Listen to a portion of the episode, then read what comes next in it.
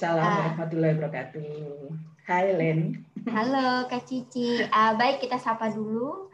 Uh, baik kawan-kawan, ini adalah uh, podcast pertama untuk ibu sekolah lagi. Biasanya kita zoominar atau webinar seperti itu ya, mengundang beberapa kawan-kawan peneliti perempuan atau aktivis-aktivis perempuan untuk sharing dan kemudian juga berbagi ilmu, belajar bersama untuk uh, memotivasi ibu-ibu dan khususnya eh ibu-ibu khususnya dan perempuan secara luas uh, untuk bersekolah lagi. Nah, sebenarnya ibuku sekolah lagi ini apa namanya?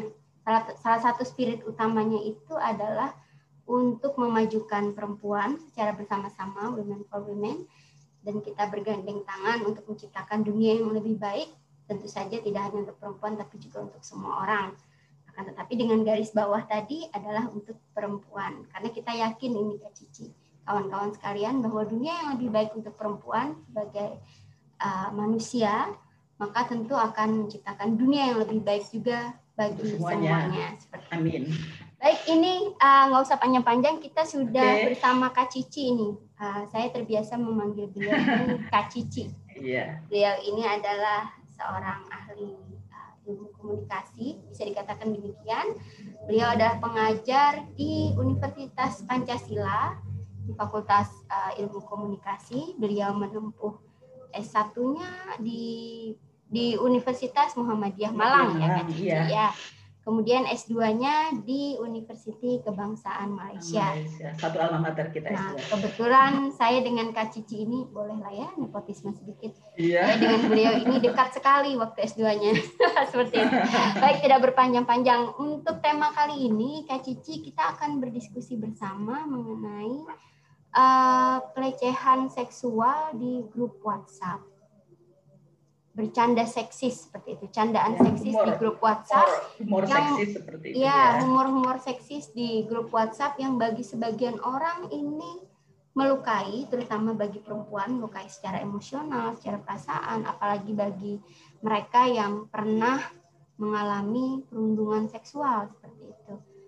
Uh, akan tetapi bagi sebagian perempuan lainnya mungkin dan juga tentu uh, lawan jenis kita laki-laki bercanda seperti ini kadang-kadang bagi sebagian tidak semua tentunya uh, dianggap bukan sesuatu yang seksis, bukan sesuatu yang melecehkan, bukan sesuatu yang apa namanya bisa melukai, bisa membuat orang marah seperti itu. Jadi kadang-kadang kalau kita di grup WhatsApp gitu kan tiba-tiba ada yang share bercandaan uh, yang seksis. Apa sih itu bercandaan yang seksis itu Kak Cici? Nanti tolong dijelaskan juga Terus nanti tiba-tiba kalau ada yang protes, tiba-tiba nanti dibilang begini, ala gitu aja baper, ngapain sih marah kayak begitu? Ini sensitif banget. Oke, okay, kita tanya dulu Kak Cici ya, nih. Oh, oh, apalagi mens. Nah ini sebenarnya pernyataan yang kalau buat saya pribadi apaan sih memangnya? Memangnya kenapa kalau saya lagi mens? Memangnya kenapa? Iya, iya. Ya kan? Memang kenapa? Oh, oh. Nah kita dengar dulu dari Kak Cici. Bercanda seksis ini apa sih Kak Cici? Oke, humor seksis itu sebetulnya uh, humor ya yang dimaksudkan untuk merendahkan atau meremehkan. Jadi sebetulnya uh, dari awal tujuannya memang seperti itu begitu. Terlepas mau uh, apa namanya disadari atau tidak, tapi tujuannya memang seperti itu. Jadi humor seksis adalah bentuk humor-humor yang dimaksudkan untuk merendahkan atau meremehkan seseorang atau mungkin sekelompok orang uh, berdasarkan pada stereotip atau prasangka-prasangka gender seperti itu, prasangka tentang siapa perempuan dan siapa laki-laki. Sebetulnya humor seksis ini eh, korbannya atau sasarannya eh, bisa siapa saja, bukan hanya perempuan, laki-laki juga bisa menjadi sasaran humor seksis. Misalnya laki-laki kok jalannya kayak Putri Solo misalnya ngomongnya kayak Putri Solo bisa saja seperti itu karena memang laki-laki diharapkan untuk maskulin kan seperti itu. Hmm. Nah, tetapi memang karena dalam konteks budaya patriarki ini perempuan di posisi kan yang tidak setara dengan laki-laki atau perempuan ini uh, lebih rendah dari uh, laki-laki seperti itu. Dan stereotip-stereotip yang disematkan pada perempuan ini juga cenderung negatif. Tentunya yang menjadi sasarannya ini mayoritas adalah perempuan seperti itu. Meskipun tadi saya katakan laki-laki ini juga uh, tidak menutup kemungkinan untuk menjadi sasaran dari humor uh, seksis ini. Humor ini menarik ini Kak Cici bahwa laki-laki juga bisa menjadi sasaran humor seksis. Terutama tadi Kak Cici bilang uh, misalnya dia dikatakan uh, jalan seperti perempuan atau dia melempar yeah. joke tentang uh, melempar candaan bahwa laki-laki uh, yang berjalan seperti perempuan atau menangis atau apa melakukan iya. tindakan yeah. yang identik seperti perempuan itu bisa dilecehkan. Ini saya menggarisbawahi kata-kata berjalan seperti perempuan, menangis seperti perempuan. Ini kamu kayak perempuan aja. Ini jadi uh, seolah-olah bahwa perempuannya ini yang jadi masalah, sifat keperempuanan ini. Apa begitu Kak Cici? Gimana? Iya, karena image menangis misalnya cengeng misalnya eh, atau emosional misalnya ini adalah kata-kata yang konotasinya negatif seperti itu. Jadi cengeng kan beda dengan hmm. yang rasional, emosional ini kan beda. Jadi hmm. dari segi diksinya memang rasional itu dianggap uh, positif, sedangkan emosional adalah sesuatu yang yang uh, tidak menggunakan logika, tidak menggunakan rasional seperti itu, hanya pakai perasaan saja seperti itu. Jadi uh, tentunya dengan dengan sebutan-sebutan seperti itu bukan hanya laki-laki yang menjadi sasarannya, otomatis perempuan juga. Karena stigma-stigma yang dilabelkan ke perempuan itu kemudian jadi sekali membidik dua orang kena kan seperti itu. Laki-laki dan perempuan seperti itu. Ya, karena citra-citra uh, yang yang dilekatkan ke perempuan itu negatif seperti itu. Jadi ketika dipakai untuk laki-laki ya menyerang dua-duanya.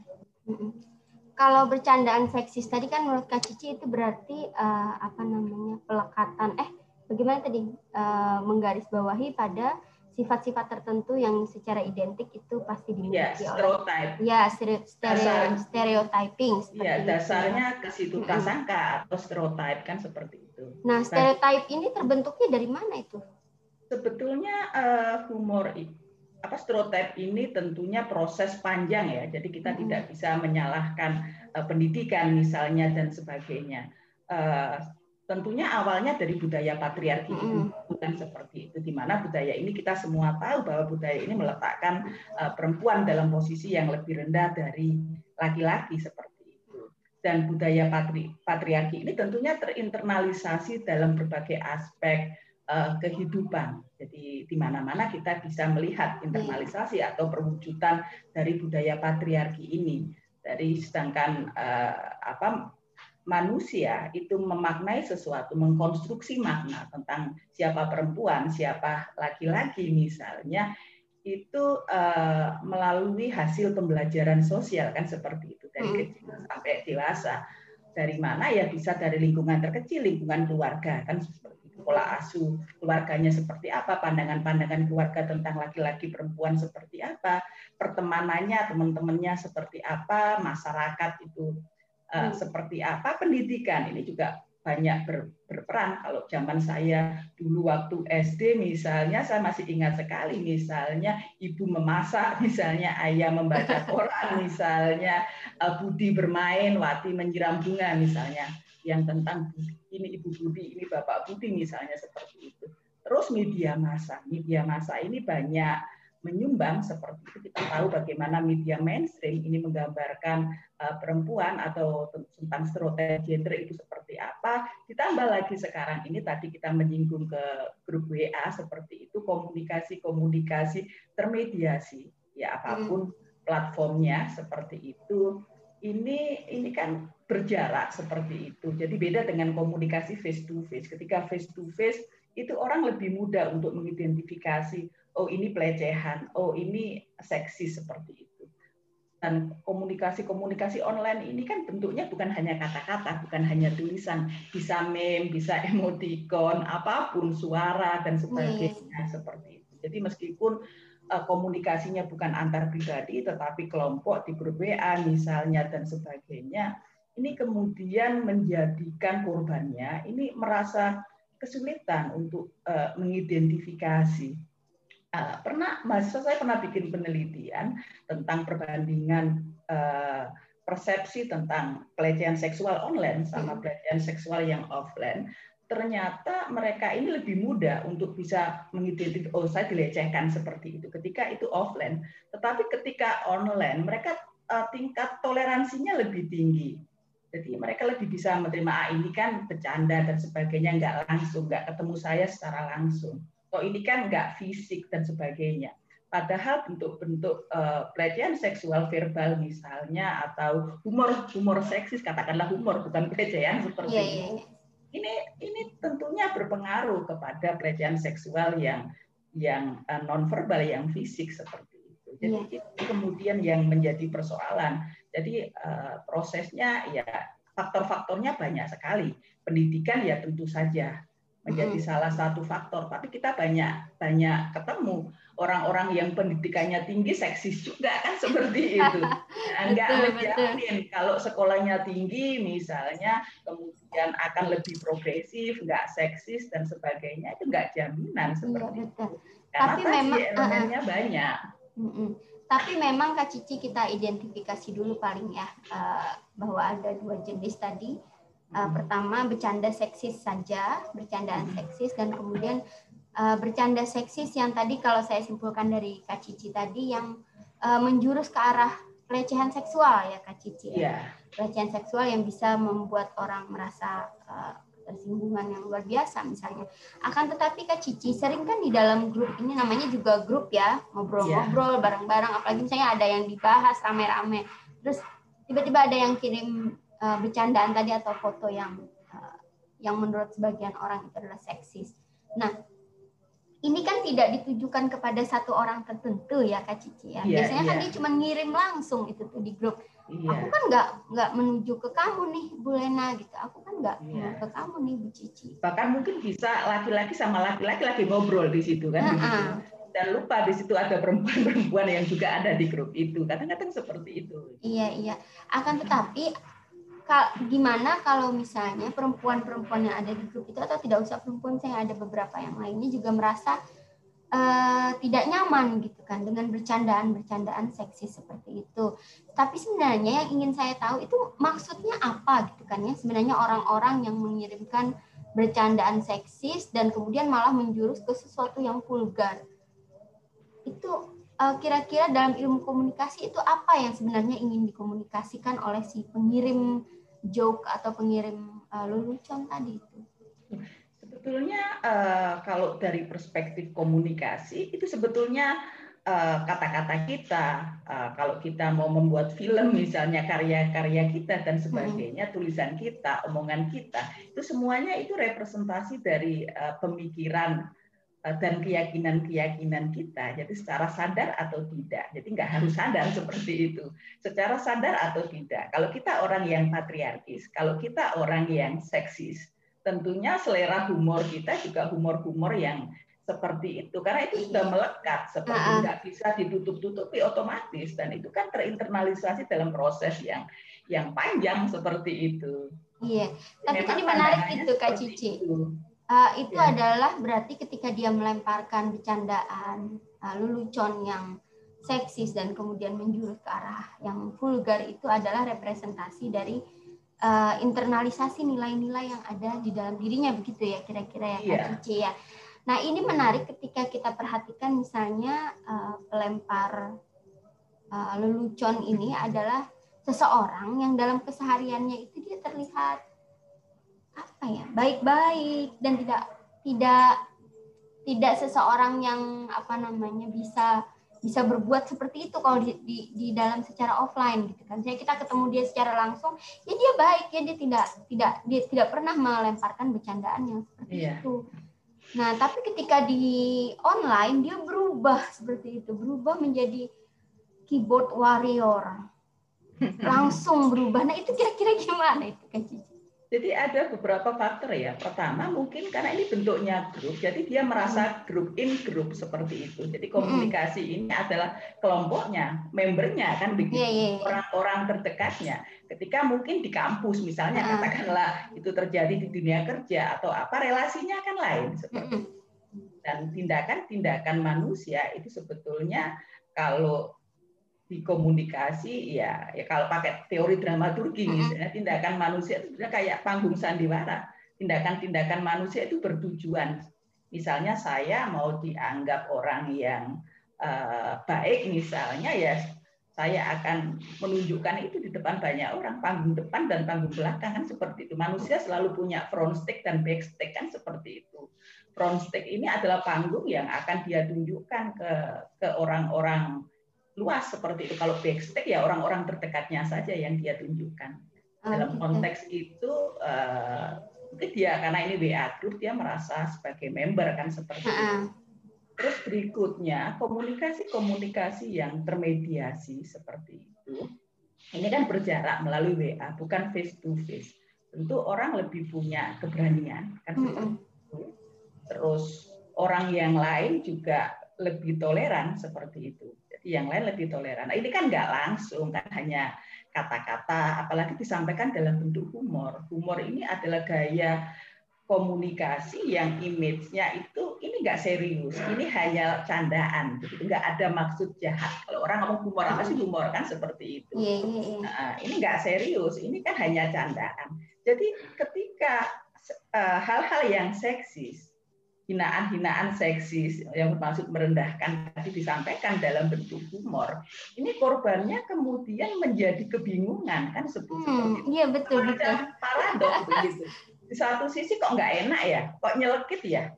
Ini nggak pantas, saya nggak suka kan seperti uh -uh. itu.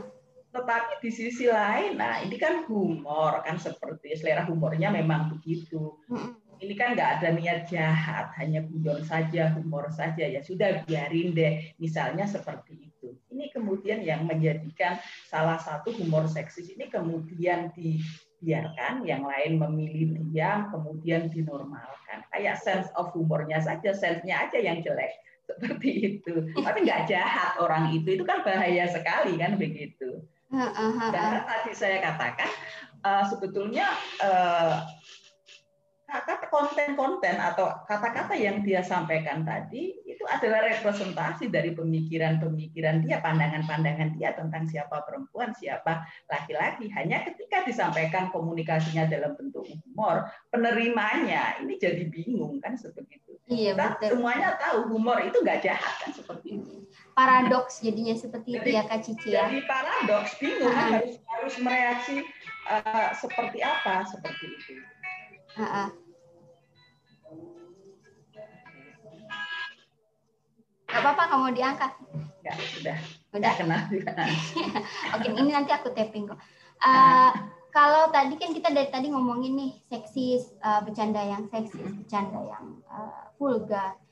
Uh, sebenarnya dari tadi kita nggak nggak memberikan contoh gitu. Saya ingin me, saya ingat ada satu lelucon yang menurut sebagian orang ini adalah lelucon yang sangat lucu, akan tetapi bagi saya ini tidak tidak lucu seperti itu ya. Sama sekali saya sampai bingung ini menemukan di mana lucunya.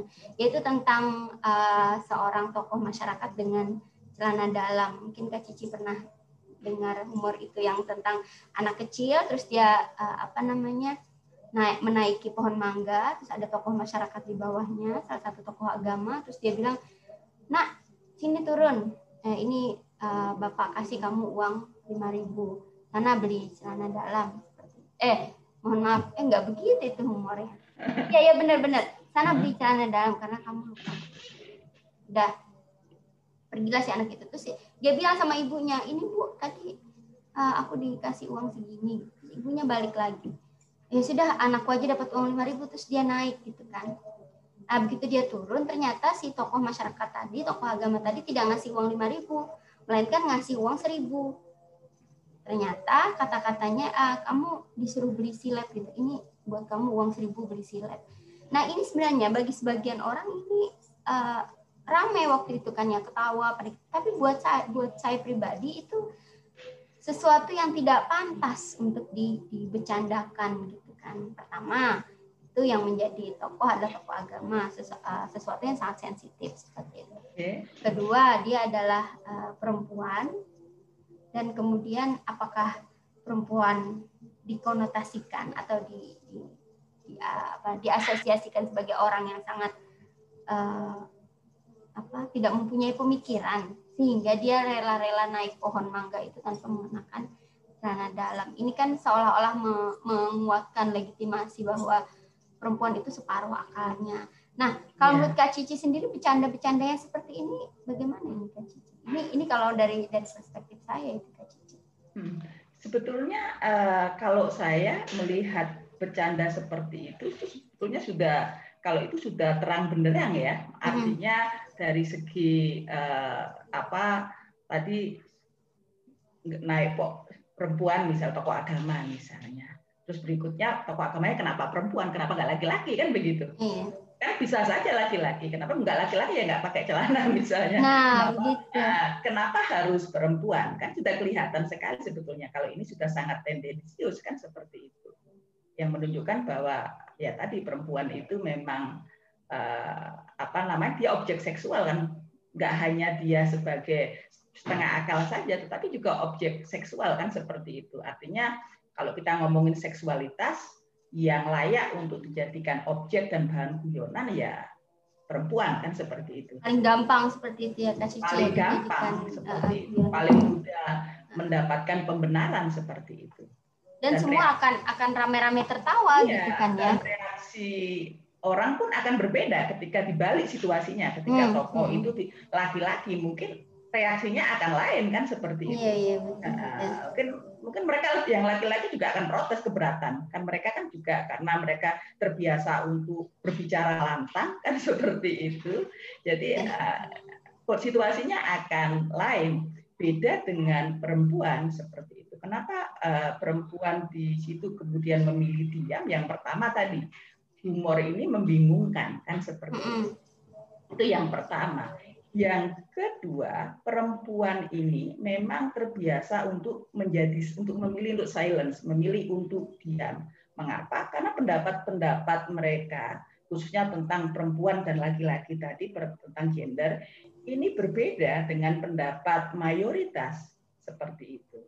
Artinya ketika mereka memilih untuk berbicara, di mana apa yang disampaikan itu berbeda dengan pendapat mayoritas, mereka akan takut untuk dikucilkan kan seperti itu. Jadi Atau memilih, dibilang sebagai uh, iya, namanya baperan, Allah bisa aja baper. Nah, sensi ya begitu, lagi mens ya kan begitu. Allah gitu hmm. aja nggak bisa bercanda kan begitu. Sensi hmm. amat kan seperti itu. Hmm.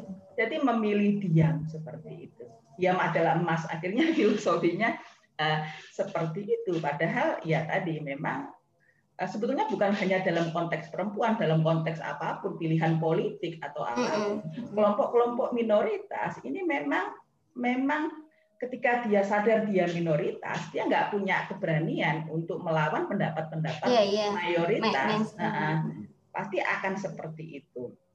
Yang berikutnya, uh, perempuan ini ini kan biasa terbungkam. Dari kecil dia dibungkam, dia tidak didengar. Pendapat-pendapatnya nggak dianggap, kan seperti itu.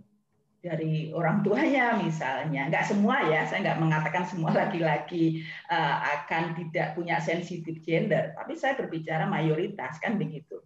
Kalau case uh, ada cukup banyak laki-laki yang sensitif gender kan seperti itu. Tapi kita dalam konteks ini berbicara uh, mayoritas seperti ya, itu. Ya, betul. Jadi kalaupun perempuan kemudian memilih untuk bicara, misalnya protes, misalnya kayak tadi memilih protes misalnya, dan ini pun kalaupun perempuan bersuara, ini biasanya juga nggak didengar, nggak dianggap, malah yang lain malah ketawa-ketawa misalnya kan begitu, hmm. nggak dianggap seperti itu. Bagi perempuan sendiri juga karena uh, dia sadar kalau saya uh, memilih bersuara yang berbeda dengan mayoritas, maka saya akan mendapatkan ganjaran seperti tadi yeah, iya, misalnya. Yeah, yeah. Jadi ya pilihannya ya saya harus mengikuti gaya mayoritas, pola pikir mayoritas yang harus saya ikuti. Jadi kalau saya jadi objek bercandaan yang seksis, respon yang terbaik adalah ketawa-ketawa misalnya. Ah, ah, ah, ah. biar tapi, kelihatan asik iya. kan seperti itu. Iya, tapi ini biar kan sesuatu punya selera humor kan seperti betul. itu. Tapi ini kan sesuatu yang uh, dinormalisasi, dinormalkan, kan, normalisasi. Yeah. dianggap bahwa ini ada sesuatu yang normal, ada pembiaran. Akan tetapi dan uh, perempuan-perempuan juga sebagian membiarkan hal-hal begini berterusan sehingga lalu dianggap sebagai norma norma baru seperti itu ya. Ya namanya di WhatsApp bercandaan seperti itu ya wajar. Akhirnya muncul suara-suara seperti itu. Sebenarnya apa yang bisa dilakukan oleh kita ini Kak Cici? Misalnya kita di dalam suatu grup lalu kita mendapati oh ini kok bercandanya agak keterlaluan misalnya. Nah, kira-kira uh, bagi kita atau kemudian bagi kawan-kawan perempuan yang merasa tidak nyaman dengan uh, bercanda-bercanda seperti itu, itu bagusnya bagaimana ya, Kak Cici? Yang ya bagusnya cara, cara ya, berkomunikasikan, mengomunikasikan. Nah, sebaiknya ya langsung dikomunikasikan siapa itu bukan hanya perempuan hmm. yang harus keberatan, laki-laki juga justru laki-laki justru dia lebih aman sebetulnya kalau berbicara. Tentu kalau kita perhatikan misalnya ketika laki-laki yang eh jangan begitu kelewatan itu itu seksis misalnya uh, responnya biasanya diem karena laki-laki yang menertibkan kan seperti itu. Tapi ketika uh, perempuan yang menertibkan ya konsekuensinya ya bisa bisa nanti reaksinya negatif bisa positif kan seperti itu ya umumnya umumnya memang negatif kan seperti iya betul betul nah, uh, uh. Jadi, Tanya saya jadi, pernah itu ke Cici protes di satu grup saya bilang uh, ini bercandaan yang mohon maaf tidak mutu seperti itu ya. Ini pelecehan karena itu memang vulgar sekali menurut saya. Semua tuh grupnya langsung diam, tidak ada yang jadi awkward seperti itu ya. Iya, nah ini dianggap yang... saya ini party pooper gitu kan ya. Saya ini seseorang yang merusak suasana jadinya. Iya, mereka diam karena mereka tahu siapa yang protes. Kan Lena kan gitu, mereka sudah punya punya uh, punya semacam background kan profil. Oh Lena seperti ini. Kalau dengan Lena diam misalnya. Tapi kalau dengan orang lain misalnya yang melakukan hal yang sama bisa diketawain kan seperti itu. Nah, bisa menjadi korban yang kedua kalinya. Di awal korban kena meme tadi atau kena apa pun meme atau candaan, terus ketika protes kena lagi misalnya seperti itu. Ini double double ya, double double. Ya, jadi, jadi kayak viktimisasi berganda hmm, gitu sudah jadi korban ketika protes jadi korban lagi yang kedua kalinya. Iya, diketawain bareng-bareng seperti Ketawain itu. ya, tetap yang pertama ya harus protes seperti -hmm. itu. Masalahnya kan nggak semua uh, perempuan itu punya keberanian untuk melakukan yeah. seperti seperti tadi yang sudah saya katakan kan mereka ini minoritas gitu. Mereka sudah belajar selama ini kalau berhadapan dengan situasi seperti ini harus seperti apa kan seperti itu. Akhirnya memilih diam kan seperti ya, itu. Nah, karena ini kita juga yang... uh, jangan lupa ada kuasa gitu ya Kak Cici ya. Ada Kenapa? relasi kuasa di dalam iya, di dalam ada relasi itu. kuasa hmm. seperti itu. Jadi uh, ya pertama itu tadi cuma hmm. masalahnya nggak uh, bisa nggak cukup dengan itu kan seperti itu. Itulah kenapa uh, apa namanya kayak apa yang Lena buat saat ini itu saya sangat mendukung karena memang ide-ide atau isu-isu tentang uh, tentang literasi gender apa pun isunya itu memang harus terus digalakkan, harus terus disuarakan. Apalagi sekarang ini kan banyak komunikasi eh, massa sekarang ini sangat berbeda dengan sebelumnya. Kalau sebelumnya kan kita mengandalkan media mainstream yeah, yeah. yang tentunya isu-isu seperti ini sulit untuk mendapat ruang kan begitu untuk menjadi agenda media seperti sulit sekali kan begitu. Apalagi media juga sangat patriarkis seperti itu. Yeah, Tapi sekarang dengan adanya media online yang ruangnya sangat terbuka, siapa pun bisa memproduksi konten, kontennya apa pun, aksesnya sekarang juga yang internet ini eh, mayoritas penduduk Indonesia punya akses ke sana ini harus digalakkan. Jadi jadi dipikir lebih banyak lagi, lebih sering lagi seperti Iya, iya. jadi partisipasi perempuan dalam produksi konten-konten. Kenapa saya menggarisbawahi perempuan? Karena yang harus pertama melakukan itu harus perempuan dulu seperti itu. Jadi mendorong partisipasi perempuan dalam produksi media seperti itu. Ya, baik Kak Cici, terima kasih. Kalau misalnya kita lihat di masa sekarang ya Kak Cici, sekarang kita kan eh, apa namanya menghadapi situasi yang eh, merupakan era disrupsi lah. Ada perubahan besar-besaran juga pada ritme kerja, perubahan pada keseharian kita di mana eh, semua itu hampir separuhnya itu berganti ke online. Kita sekarang sedang menghadapi masa pandemi COVID-19 sehingga hampir semua aktivitas pekerjaan itu terutama kita yang dosen akademisi atau eh, kawan-kawan pekerja lainnya itu beralih ke online. Dan kemudian juga aktivitas lainnya misalnya di, banyak kita main-mainnya di online juga WhatsApp. Misalnya hampir setiap hari kita WhatsAppan.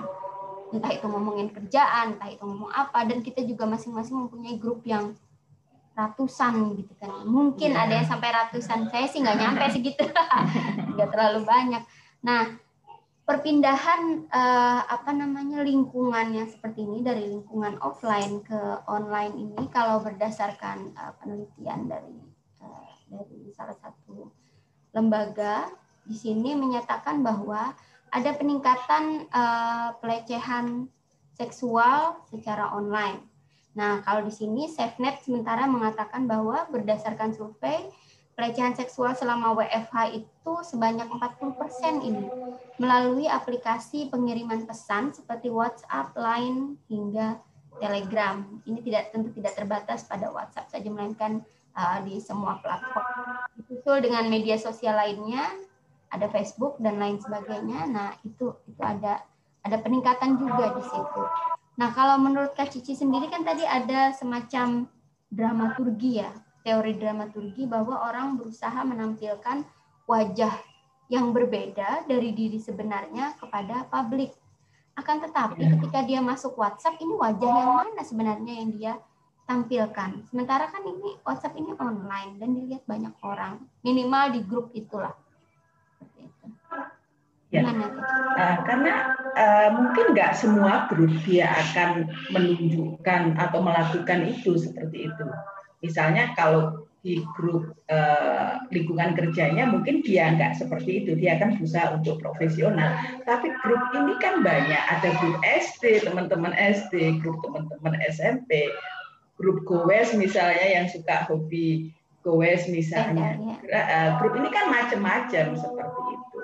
Artinya kedekatan anggotanya juga berbeda-beda kan seperti itu. Ya kan kedekatannya. Nah, kalau grup SD, SMP, SMA karena banyak memori dan sebagainya sebagainya, tentu kita merasa lebih dekat. Karena lebih dekat uh, jadi enggak segan untuk menunjukkan panggung belakang kita yang selama ini mungkin kita tutupi untuk panggung-panggung yang yang lain seperti itu. Jadi lebih berani untuk menunjukkan. Oh sebetulnya eh, pola-pola uh, komunikasi seseorang kalau kita mau ikuti dia mau seksis atau tidak cara pandangnya seperti apa kalau kita mau stalking di medsosnya misalnya itu sebetulnya kelihatan akan ada pola-polanya. Dia posting ini posting ini seperti itu. Karena secara sadar atau tidak eh, pandangan-pandangan dia tentang siapa perempuan siapa laki-laki itu pasti akan akan terlihat di dalam ya. terlihat ya, seperti itu. Terus ketika pandemi ini karena semua aktivitas kehidupan itu di online larinya, lalu lintas eh, media online kan semakin padat. Produksi kontennya semakin padat. Grup WA yang biasanya sepi kemudian menjadi rame kan seperti itu. Dan orangnya ini juga eh, apa macam-macam seperti itu. Jadi orang juga mungkin sudah jenuh dengan tekanan-tekanan ini itu dan sebagainya. Eh, jadi akhirnya ya seperti itu muncul di grup-grup itu semakin banyak konten-konten yang yang banyak sekali kan seperti hmm. itu itu kemudian banyak muncul muncul banyak berseliweran aplikasi-aplikasi fitur-fitur di media online di aplikasi kayak WhatsApp dan sebagainya itu kan mudah untuk share untuk apa gampang sekali tinggal tekan aja kan seperti itu jadi gampang. Ini yang kemudian menjadi itu seolah-olah biasa karena lihat di grup ini ada, di grup ini ada, di grup ini ada. Oh berarti boleh dong seperti itu. Karena karena banyak yang melakukan. Kan orang itu kan banyak seperti itu. Sedangkan yang nggak setuju mungkin nggak eksis memilih untuk dia. Nah, jadi mendapatkan semacam pembenaran, eh, konfirmasi kalau ini normal. Padahal ini tidak normal. Iya, Bukan ini normal. Nah, karena banyak yang melakukan. Saya lihat di grup ini ada di Instagram, ada di ini ada. Oh, berarti oke, okay. saya juga share juga lah di grup ini. Kan? Iya. Sebagian orang menganggap hal itu tidak berbahaya gitu ya Kak Cici ya, bahwa hmm. men-share hal-hal yang uh, membagikan konten yang seperti itu apa sih kan tidak berbahaya. apalagi tadi menurut Kak Cici humor itu kan bukanlah sesuatu yang berbahaya awalnya gitu kan tapi ketika humor itu kemudian uh, memicu serangkaian peristiwa yang lain. Misalnya dia trigger perasaan traumatis seseorang karena dia pernah mengalami pelecehan seksual atau itu kemudian uh, nah yang yang menurut saya ini yang malah semakin berbahaya itu dari humor yang seksis ini adalah pembiasaan tadi yang sering Kak Cici katakan ini orang menganggap ini sebuah yang normal, sebuah yang biasa bahwa perempuan dijadikan objek seksual seperti itu, itu adalah sesuatu yang biasa. Awalnya mungkin dia akan di online saja gitu kan ya, dia ngomong seperti itu. Yeah. Tapi lama-lama bukannya akan terbentuk di dalam pemikiran dia, uh, mindset dia itu akan berubah sehingga dia menganggap bahwa oh iya wajar perempuan itu adalah sebagai sebagai objek objek seksual. Bahwa dia adalah seseorang adalah makhluk yang memang diciptakan untuk menyenangkan saya sebagai laki-laki. Misalnya kalau kita anggap ini korbannya adalah perempuan. Nah hal-hal yang begini ini kan menimbulkan uh, bahaya yang jauh lebih besar. Mungkin seperti kepakan kupu-kupu seperti itu ya. Kelihatannya kecil saja dia mengepak tapi ternyata yeah. itu luar biasa dampaknya seperti itu. Gimana kak menurut Iya. Jadi uh, tadi seperti yang saya katakan, humor seksis ini kan sebetulnya humor itu kalau humornya nggak jahat kan begitu.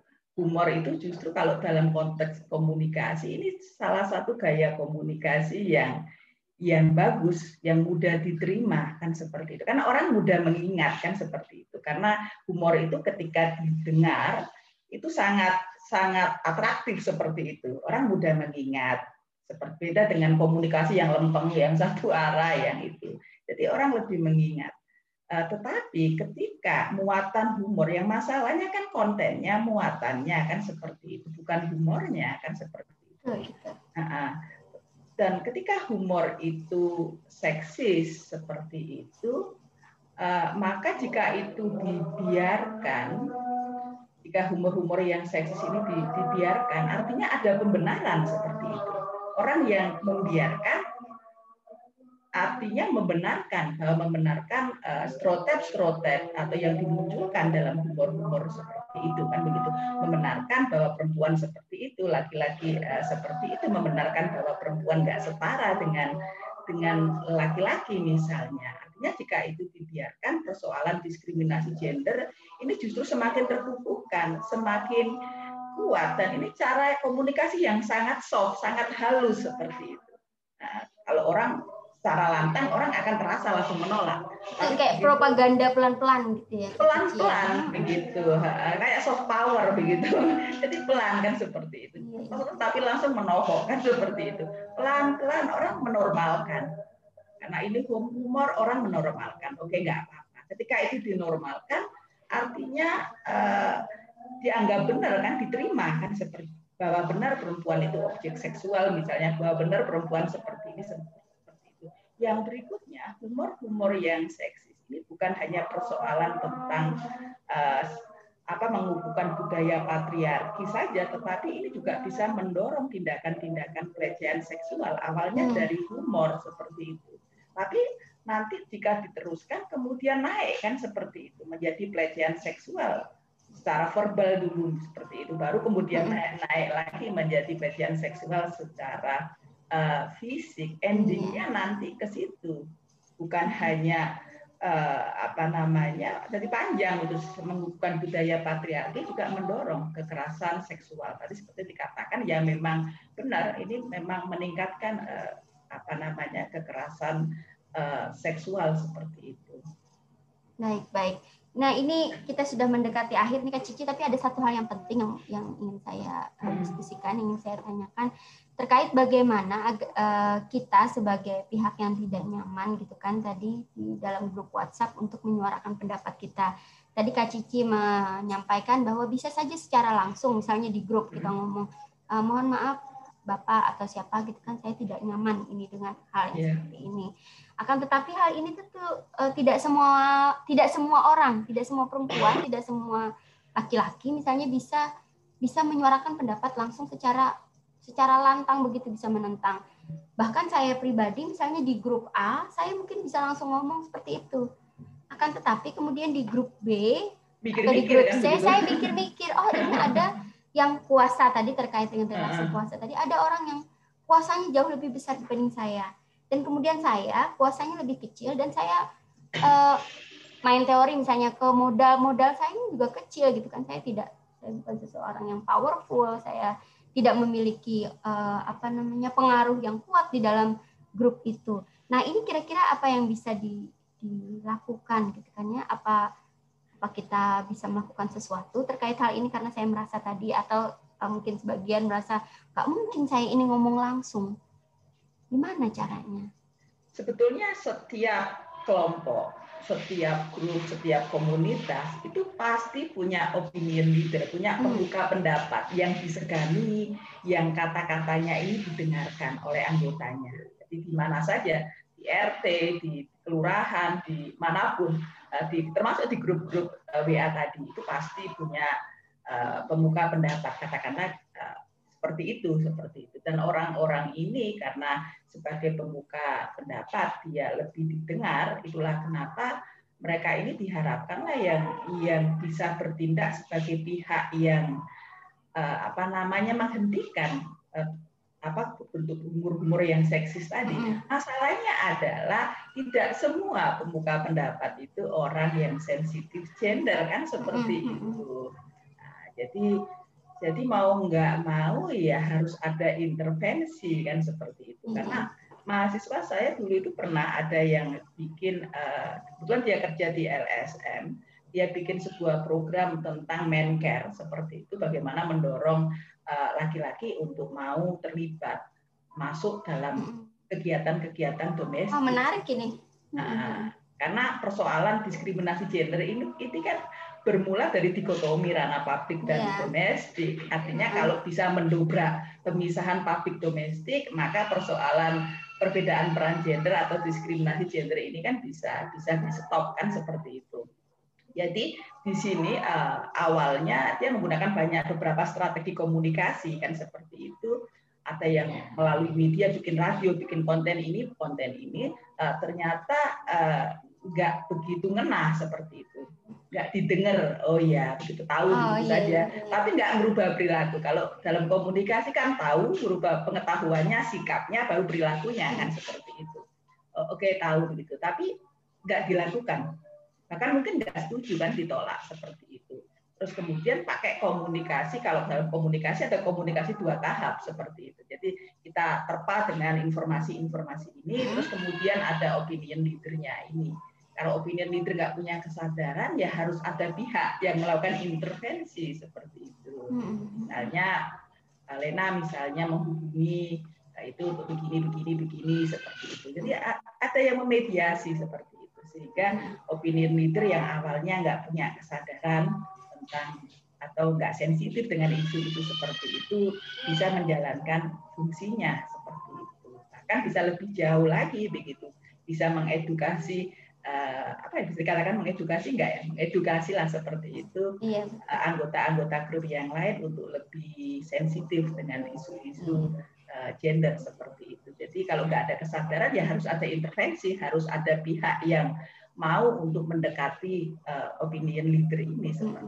itu pembuka pendapat. Ibaratnya itu admin nah, grup bisa di, digatakan seperti itu juga paling kali ya Kak Cici ya. ya Salah satu admin grup misalnya yang siapa di antara hmm. admin grup yang banyak ini yang kira-kira bisa didekati gitu kan ya untuk kita menyuarakan ya. pendapat kita kalau kita tidak berani langsung di grup secara frontal, secara terbuka. Persoalannya bukan hanya kita berani atau tidak. Hmm, oh gitu. Kadang-kala kita berani, berani sih hmm. berani, tapi nggak didengar kan begitu. Yeah.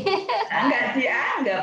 Kita bukan pemuka pendapat mereka kan seperti hmm. itu, nggak hmm. dianggap. Artinya karena kita kalau ngomong pun nanti akhirnya dicuekin, nggak didengar, atau justru menjadi bahan guyonan lagi seperti yeah, yeah. itu. Solusinya harus pakai intervensi orang yang di situ hmm. dihormati. Hmm Nah, jadi nggak cukup dengan berani atau tidak. Karena iya, kadang-kadang berani tapi jadi sia-sia kan seperti iya, Jadi, jadi harus, harus strategis, hmm. harus ya harus strategis, harus ada taktiknya. Kita dekatilah seperti itu. Kan lebih mudah kalau komunikasi dengan dua orang daripada langsung di dalam grup itu. Mungkin perlu diingat juga bahwa uh, bercanda seksis atau kemudian terutama yang menjurus ke arah vulgar dan kemudian uh, mengakibatkan ada yang tersinggung atau merasa marah atau apa itu uh, harus diingat bahwa konten-konten seperti ini juga ada jerat hukumnya gitu loh Kak Cici. Mungkin nanti akan dibicarakan lebih lanjut nanti bersama pembicara yang lain, tapi saya ingin menggarisbawahi dulu bahwa ada yeah. ancaman pidana terkait dengan mereka yang uh, dengan sengaja kemudian mendistribusikan dan tanpa hak mendistribusikan dan atau mentransmisikan atau membuat dapat diaksesnya informasi elektronik dan atau dokumen elektronik yang memiliki muatan yang melanggar kesusilaan. Nah, ini mungkin harus diperhatikan juga oleh uh, semua pihak di luar sana, siapa pun yang mendengar ini bahwa ingat uh, jarimu itu adalah harimaumu seperti itu ya sekarang. Yeah. Apa yang kamu mungkin kamu mungkin kita tidak berani ngomong langsung bercanda-bercanda atau apalah sesuatu itu langsung ke orangnya offline. Tapi ketika online tadi seperti saya katakan kita berubah menjadi keyboard warrior yang tidak tedeng yeah. aling-aling lagi menghina, menyebarkan konten yang uh, vulgar, kemudian mengucapkan atau melemparkan uh, lelucon-lelucon yang seksis dan kemudian menjurus vulgar yang membuat orang lain merasa tidak nyaman. Saya ingin menggarisbawahi juga bahwa humor apa pun itu jika itu kemudian mengakibatkan ketersinggungan kepada orang lain dan kemudian humor itu sendiri kontennya uh, adalah memperolok orang lain sengaja atau tidak sengaja maka itu bukanlah humor itu menurut saya sekarang kita dengar dari Kak Cici sebagai penutup mungkin ada ada uh, oke okay, uh, humor seksis ini kan Eh, kita jumpai dalam berbagai aspek kehidupan seperti itu. Dan korbannya memang kebanyakannya memilih untuk untuk diam seperti itu. Ya karena tadi karena nggak semua orang punya keberanian untuk itu. Jadi untuk uh, mensolusikan persoalan ini karena kita tahu dampaknya sangat besar kalau didiamkan saja. Jadi saya berharap pihak-pihak yang yang punya kesadaran terhadap isu-isu ini. Jadi yang diharapkan kan tentunya pihak-pihak yang punya kesadaran seperti itu untuk uh, melakukan sesuatu ya. Bisa dimulai dengan tadi uh, langsung mencegah secara langsung langsung protes keberatan dan sebagainya. Atau tadi untuk apa namanya kalau menjumpai itu di grup WA atau grup-grup yang lain uh, untuk melakukan negosiasi atau mensolusikan memediasi dengan pemuka pendapatnya karena Eh, komunikasi-komunikasi dengan opinion leader ini sangat efektif seperti itu. Hmm. Karena pemuka pendapat ini orang yang didengar, orang yang yang dihormati sehingga apa pun yang dikatakan ini ini didengar seperti itu. Jadi ini yang kita harapkan pemuka-pemuka pendapat ini uh, untuk untuk mau terlibat di dalam isu-isu seperti ini. Seperti itu. Baik, terima kasih banyak Kak Cici. Semoga uh, Kak Cici sukses ke depannya. sama-sama dan juga kawan-kawan di sini menjadi semakin berani, semakin asertif untuk menyuarakan pendapat. Dan marilah kita menjadi agen bagi perempuan yang lainnya, bagi masyarakat, terutama bagi diri kita sendiri tentu saja. Uh, izinkan saya mengakhiri uh, percakapan kita pada aduh uh, izinkan saya mengakhiri percakapan kita pada sore hari ini. Terima kasih Kak Cici. Wabillahi taufiq Wassalamualaikum warahmatullahi wabarakatuh. Assalamualaikum warahmatullahi wabarakatuh.